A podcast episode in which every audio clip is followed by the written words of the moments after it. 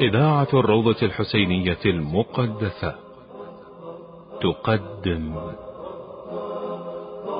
شذرات شذرات من علوم القرآن. من علوم القرآن.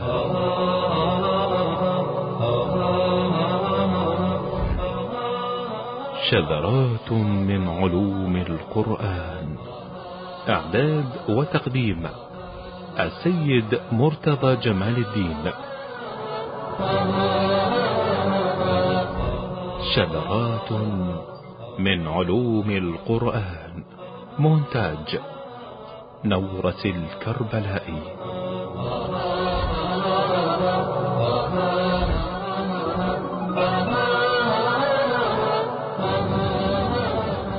عنوان الحلقة تعريف علوم القرآن الكريم.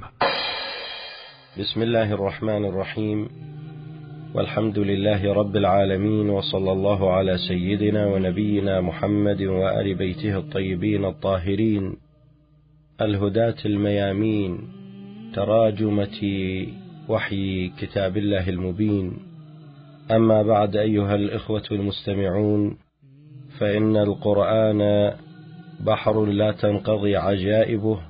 وغرائبه ولا يدرك قعره وسواحله كيف لا يكون كذلك وهو التجلي الأعظم لله سبحانه وتعالى؟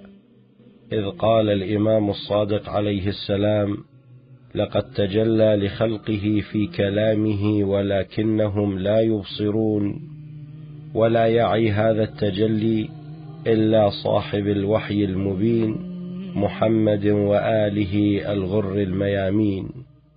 أيها الأحبة على مائدة القرآن الكريم نلتقي في حلقات متسلسلة من علوم القرآن الكريم. تلك العلوم الواجب على كل مسلم ومسلم الاطلاع عليها كيما يكون القرآن الكريم واضحا عنده وبين عنده. ونحن نحاول في بحثنا هذا أن نستخرج علوم القرآن كلها من خلال كلمات محمد صلى الله عليه وآله وأهل بيته الطيبين الطاهرين لأنهم عدل القرآن الكريم بنص حديث الثقلين.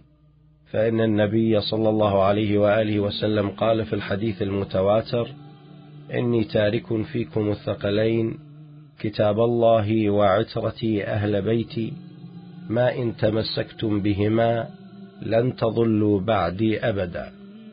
فالقرآن الكريم يبين منزلة وعظمة أهل البيت عليهم السلام كما بين منزلة وعظمة ودور الأنبياء السابقين.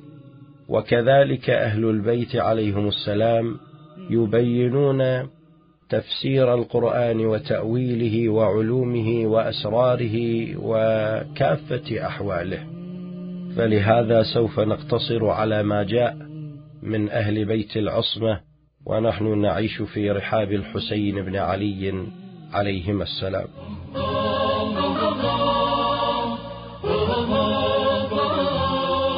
شذرات من علوم القرآن.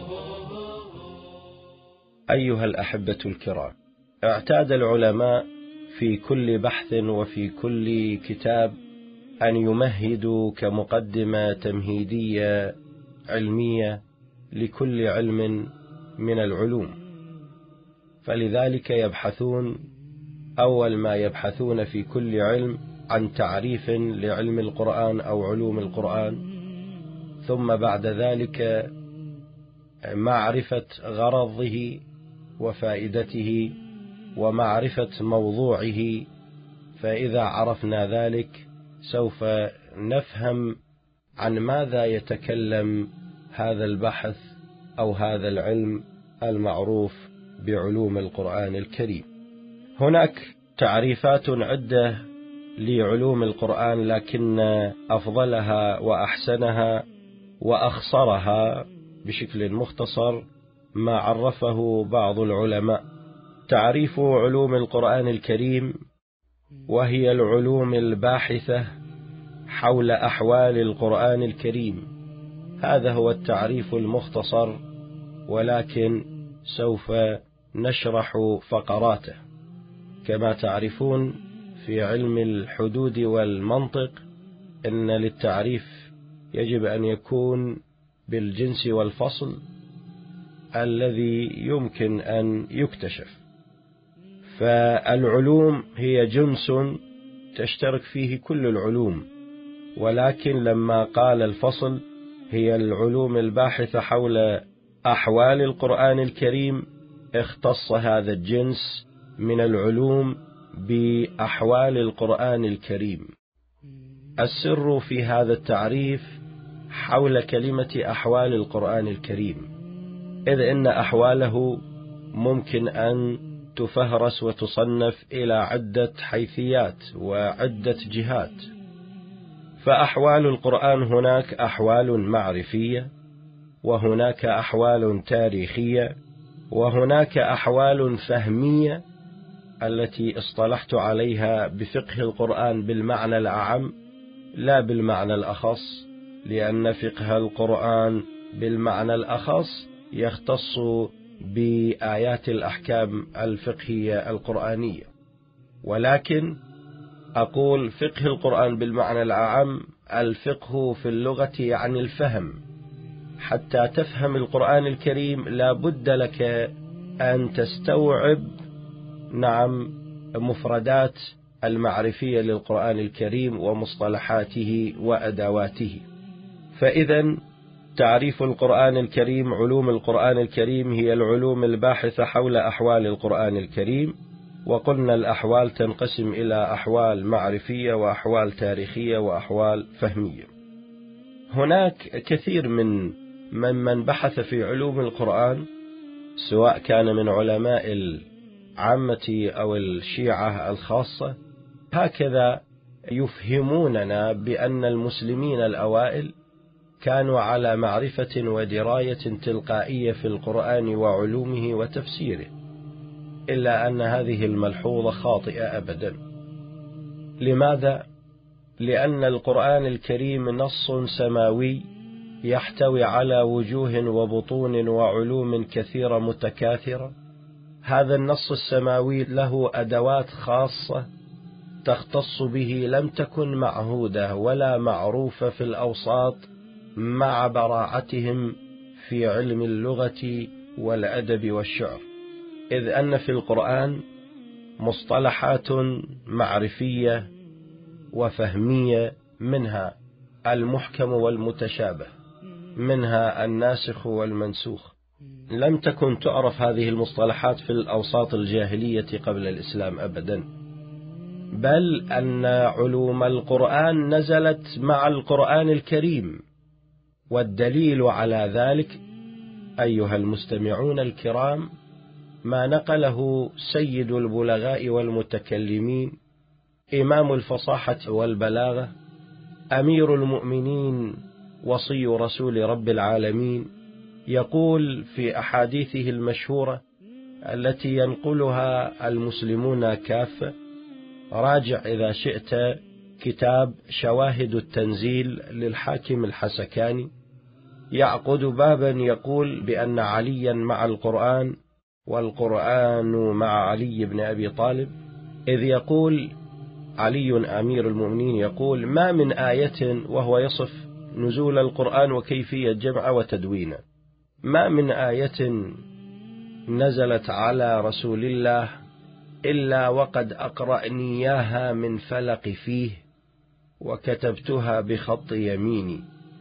وعلمني ناس شوفوا يقول علمني علمني ناسخها ومنسوخها محكمها ومتشابهها عامها وخاصها وما من آية نزلت في ليل أم في نهار في شتاء أم في قيض في جبل أم في وادي نعم في حرب أو في سلم إلا عرفني تفسيرها وتأويلها. وكل حلال وحرام أنزل على النبي إلا أملاه علي وكتبته بخط يميني. من هذه النصوص الكثيرة المتكاثرة نفهم أن مع نزول القرآن على قلب النبي الأكرم محمد صلى الله عليه وآله وسلم كان النبي وأمير المؤمنين يواكبون نزول القرآن ويدونون وأمير المؤمنين يدون لا فقط كلمات القرآن الكريم لا بل كان يدون علوم القرآن المختصة بالمحكم والمتشابه الناسخ والمنسوخ علم القراءة. أخذتها من فلق فيه يعني علم القراءة. كتبتها بخط يميني يعني علم تدوين القرآن. كل هذه أحبتي وعزتي هي علوم للقرآن دونها أمير المؤمنين عليه السلام. لا كما نفهم من بعض كتب علوم القرآن في النظرية السائدة الساذجة تقول أن العرب يفهمون القرآن وإذا أشكل عليهم شيء سألوا رسول الله. لا بل كان رسول الله يبتدئهم وكان المدون الأول وكاتب الوحي الأول هو علي بن أبي طالب. وإن آلية الكتاب إن شاء الله نأتي عليها. حقيقة كانت آلية متكاملة. لا يدونون المصحف الشريف فقط كلمات القرآن. لا بل يدونون تفسيره علمه ناسخه منسوخه محكمه متشابهه. فلذلك كان القرآن وعلوم القرآن أول من أسسها رسول الله صلى الله عليه وآله. نعم لما تركوا أصحاب الرسالة تركوا العترة الطاهرة تركوا تراجمة وحي الله الحقيقيين ضاعت هذه العلوم وبرزت على شكل علوم فرادية على لسان بعض الصحابة وعلى لسان بعض التابعين في القرون الأولى من الإسلام.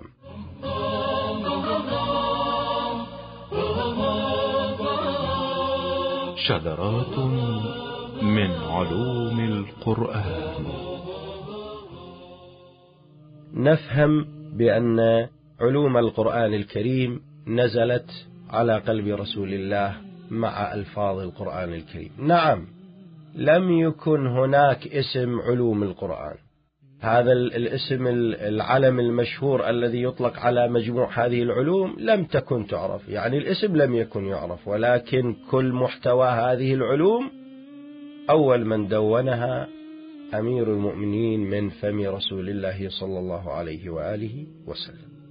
إذا أيها الأحبة جاء القرآن الكريم كتابا سماويا ومعه أدواته العلمية ومفرداته الحكمية. لا يستطيع أحد أن يفسر القرآن الكريم إلا بعد أن يدرس علوم القرآن. فلما عرفنا القرآن الكريم وشرحنا التعريف الآن ما هو غرضنا من دراسة علوم القرآن؟ إذ لكل علم غرض كما قال العلماء. فغرضنا لدراسة علوم القرآن هو محاولة لفهم حيثيات القرآن وجهات القرآن الكريم المعرفية التاريخية والفهمية يعني الفقهية. هذه الأدوات بكلها المصطلح عليها اسم علوم القرآن كلها تصب في بوتقة واحدة كلها تصب في فهم القرآن الكريم وتفسيره. فالنسبة بين علوم القرآن وتفسير القرآن نسبة واضحة. هي كالنسبة بين علم أصول الفقه والفقه والمفارقة هي المفارقة. كيف؟ نعلم أنه أول ما ظهر في سماء عالم التدوين هو علم الحديث. ترعرع في أحضان علم الحديث علم الفقه. وترعرع في أحضان علم الفقه علم أصول الفقه. مع أن علم أصول الفقه يعتبر هو الكتالوج لاستنباط الحكم الشرعي أو الأدوات لاستنباط الحكم الشرعي لكن ظهور علم أصول الفقه تاريخيا ظهر متأخرا عن من؟ عن الفقه. كما يقول الباحث والدكتور الشيخ عبد الهادي الفضلي كذلك علوم القرآن الكريم علوم القرآن الكريم جذبت الباحثين من باب الحاجة أم الاختراع. أن المسلمين الأوائل أول ما دونوا التفسير وعندما لاحظوا التفسير يرتبط بأدوات معرفية لا يمكن نكرانها ولا يمكن تجاهلها وهي علم المحكم والمتشابه علم الناسخ والمنسوخ علم المكي والمدني علم أسباب النزول علم الخاص والعام علم الأشباه والنظائر علم تشابه القرآن وغريب القرآن حثهم هذه المصطلحات عندما جمعوها في تفاسيرهم البدائية حثهم ذلك على دراسة هذه الظواهر القرآنية والمصطلحات. بيد أنه المفروض أنه تدرس أولا ثم يدرس ويفهم نص القرآن. إذ أن هذه الأدوات هي مقدمة علما لفهم القرآن الكريم. ولكن الذي حصل تاريخيا بالعكس. يعني أول ما ظهر تفسير القرآن الكريم وترعرعت علوم القرآن في أحضان تفسير القرآن. والمفارقة الأخرى أن تفسير القرآن علم واحد من مئات العلوم في القرآن الكريم. نعم نحن في تفسير القرآن ندرس معاني الكلمات ودلالة الكلمات القرآنية. ولكن في علوم القرآن لما نأخذ موضوع تفاسير القرآن الكريم ندرس أنواع التفاسير منهجية كل تفسير تفسير. مثلا هناك المنهج الأثري في التفسير. وهناك المنهج العقلي في التفسير وهناك المنهج الموضوعي في التفسير وهناك المنهج البياني في التفسير هذه كلها مناهج تفسيرية. نحن ندرس هذه المناهج كظاهرة. وين؟ في علوم القرآن الكريم. أما حيثيات المفردات القرآنية من أول سورة الفاتحة إلى سورة الناس هذه يختص بها تفسير القرآن الكريم. إذا فالعلاقة جدلية بين علوم القرآن وتفسير القرآن الكريم. إذا عرفنا هذا أؤكد على الملحوظة التي يجب أن ننتبه إليها. كل من كتب في علوم القرآن يؤكد على أن القرآن الكريم كان يعرفه العرب آنذاك. هذه الكلمة حقيقة ادعاء يحتاج إلى دليل لا بالعكس أنهم لا يعرفون حتى بعض المعاني والدلالات القرآنية. أضرب مثال. عمر بن الخطاب لم يكن يعرف معنى فاكهة وأبا. عمار بن ياسر لم يكن يعرف كيف يتيمم فإنما نزلت آية التيمم مرغ نفسه في التراب. فقال له النبي لا ليس هكذا هو التيمم. كذلك بعض الصحابة لما نزلت هذه الآية حتى يتبين لكم الخيط الأبيض من الخيط الأسود. ربط في رجليه خيطا أبيضا وخيطا أسود. فإذا كشف الوقت ميز بين اللونين معناته دخل الصبح. قال لا له رسول الله. الخيط الأبيض والخيط الأسود في أفق السماء. يصير أكو تمايز يعني معناته دخلت صلاة الفجر. هؤلاء هم ثلة من الصحابة لم يفهموا دلالات القرآن. فكيف تقولون أن العرب كانوا يفهمون القرآن أو يحفظون القرآن؟ هاي مفارقات وتبرعات حقيقة. لا. القرآن بكله بتفسيره ومعانيه وعلومه دونت لأن القرآن الكريم جاء نص سماوي جديد فجاء بأدوات جديدة لا يفهمها ذاك الوسط. وإلى اليوم العيون ساهرة على دراسة الظاهرة القرآنية. كدلالة قرآنية وكأدوات قرآنية فهمية. إذا فهمنا ذلك فأقول لمحة تاريخية في علوم القرآن الكريم وأول من دون ذلك.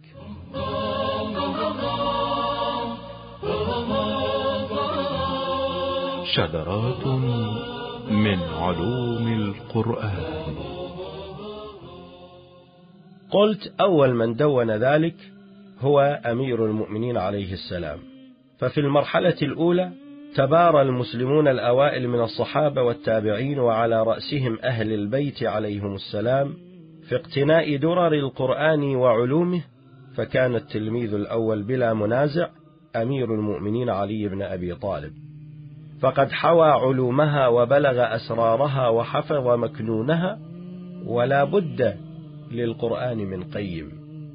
مستحيل أن يعرف القرآن بدون الرسول وبدون الوصي. أضرب لذلك مثالا مختصرا. في البرهنة على أنه لا بد للقرآن من قيم وكان القيم على القرآن في زمن رسول الله هو المعلم الأول رسول الله صلى الله عليه وآله وسلم محمد ابن عبد الله.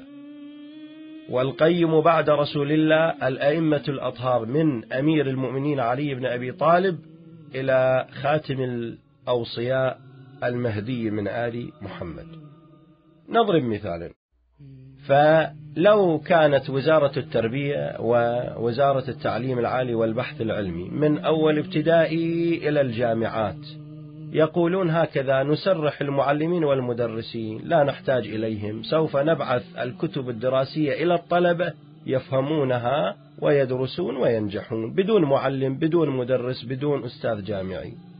هل يصح ذلك؟ وهل يستطيعون أن يفهمون نصوص الكتب الدراسية مع أنها كتبت في اللغة العربية؟ فيزياء وكيمياء وجغرافيا ورياضيات كتبت في اللغة العربية لكن لا يفهمونها حق فهمها. ممكن أن يصير عشرة بالمئة من الفهم ممكن أن يصير فهم معكوس أو مغلوط وبالتالي لا يصلون إلى نتيجة. فلذلك صار من البديهيات الفطرية أن الوزارات التعليمية تبعث وتعين وتدرب أساتذة متخصصون في توصيل المادة العلمية إلى الطلبة كذلك رب العالمين عندما أنزل الكتاب السماوي وهو القرآن الكريم بعث معه منه معلم. وقد وصفه القرآن وصف النبي محمد بأنه معلم. في سورة الجمعة بسم الله الرحمن الرحيم هو الذي بعث في الأميين رسولا منهم يتلو عليهم آياته ويزكيهم ويعلمهم الكتاب والحكمة. يعني يعلمهم رسول الله يعلم. وفعلا رسول الله علم الأمة. وعلى رأس المتعلمين كان علي بن أبي طالب الذي لم يغادر صغيرة ولا كبيرة إلا أحصاها. فإذا في المرحلة الأولى كان علي بن أبي طالب زين والتلامذة الكبار آه، المشهورين فعلا يعني نقول من الصحابة الجيدين في أخذ وحمل القرآن هم أبي بن كعب الأنصاري رضوان الله عليه هذا من الصحابة ومن أصحاب أمير المؤمنين. عبد الله بن مسعود أيضا أخذ القرآن الكريم وحمله. كذلك حبر الأمة عبد الله بن عباس ابن عم النبي وابن عم أمير المؤمنين. وأستاذ الكل في الكل أمير المؤمنين عليه السلام.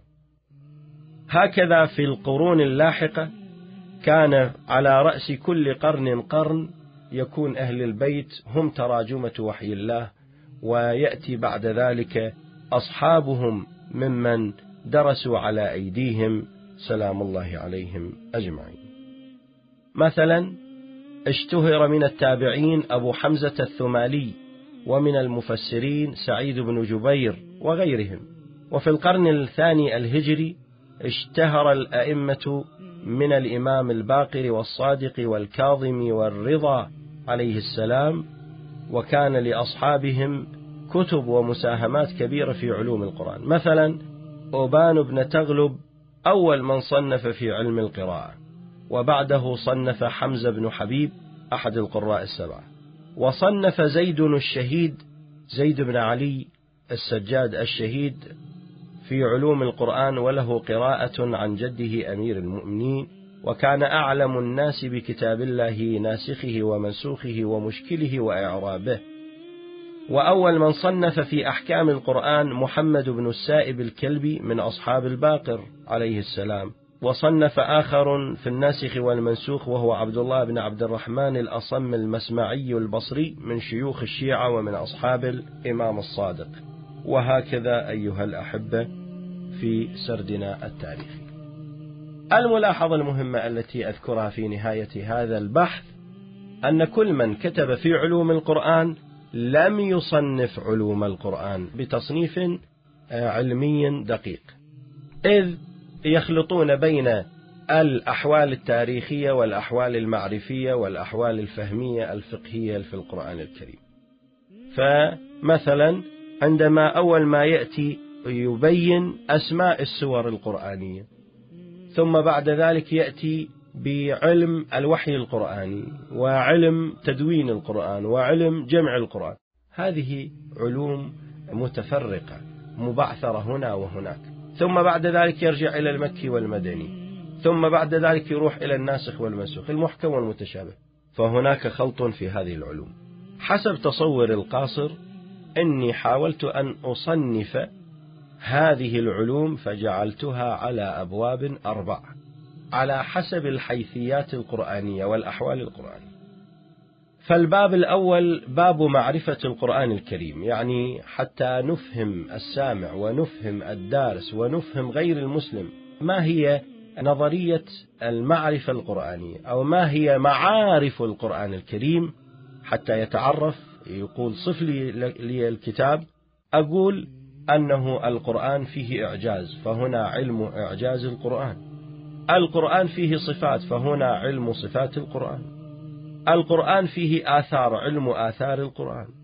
القرآن فيه تصنيف علم تصنيف آيات القرآن. القرآن فيه أسماء علم أسماء القرآن وعلم أسماء السور القرآنية وهكذا. هذا فيما يسمى بباب معرفة القرآن. ننتقل إلى الباب الآخر والحقل الآخر الذي يسمى بتاريخ القرآن الكريم. يحوي هذا وحي نزول القرآن معلمو القرآن المكي والمدني تدوين القرآن كتابة القرآن جمع القرآن ترجمة القرآن رسم القرآن شكل القرآن وإعجامه ترجمة القرآن الكريم وتاريخ طباعة القرآن الكريم من الطباعة الحجرية إلى الطباعة الحروفية وإلى ما لذلك من العلوم. في الباب الآخر نفتح قنوات معرفية كبرى وهي فقه القرآن أو فهم القرآن.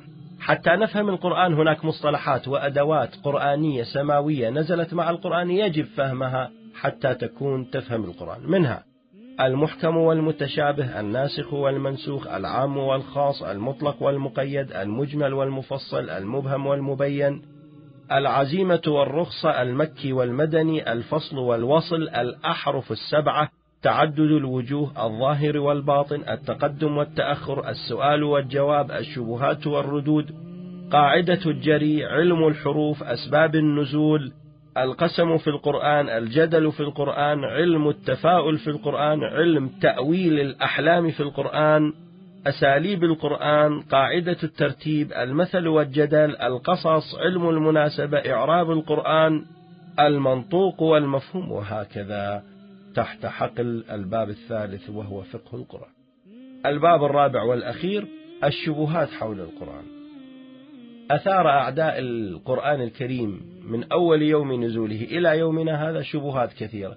نحاول حصرها في باب والإجابة عليها.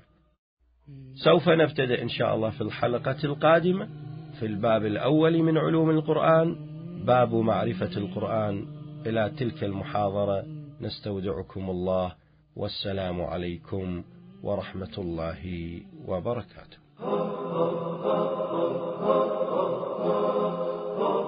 قدمت لكم إذاعة الروضة الحسينية المقدسة. شذرات شذرات من علوم القرآن, من علوم القرآن.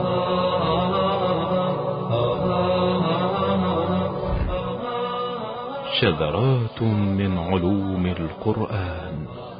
إعداد وتقديم السيد مرتضى جمال الدين. شذرات من علوم القرآن مونتاج نورة الكربلائي.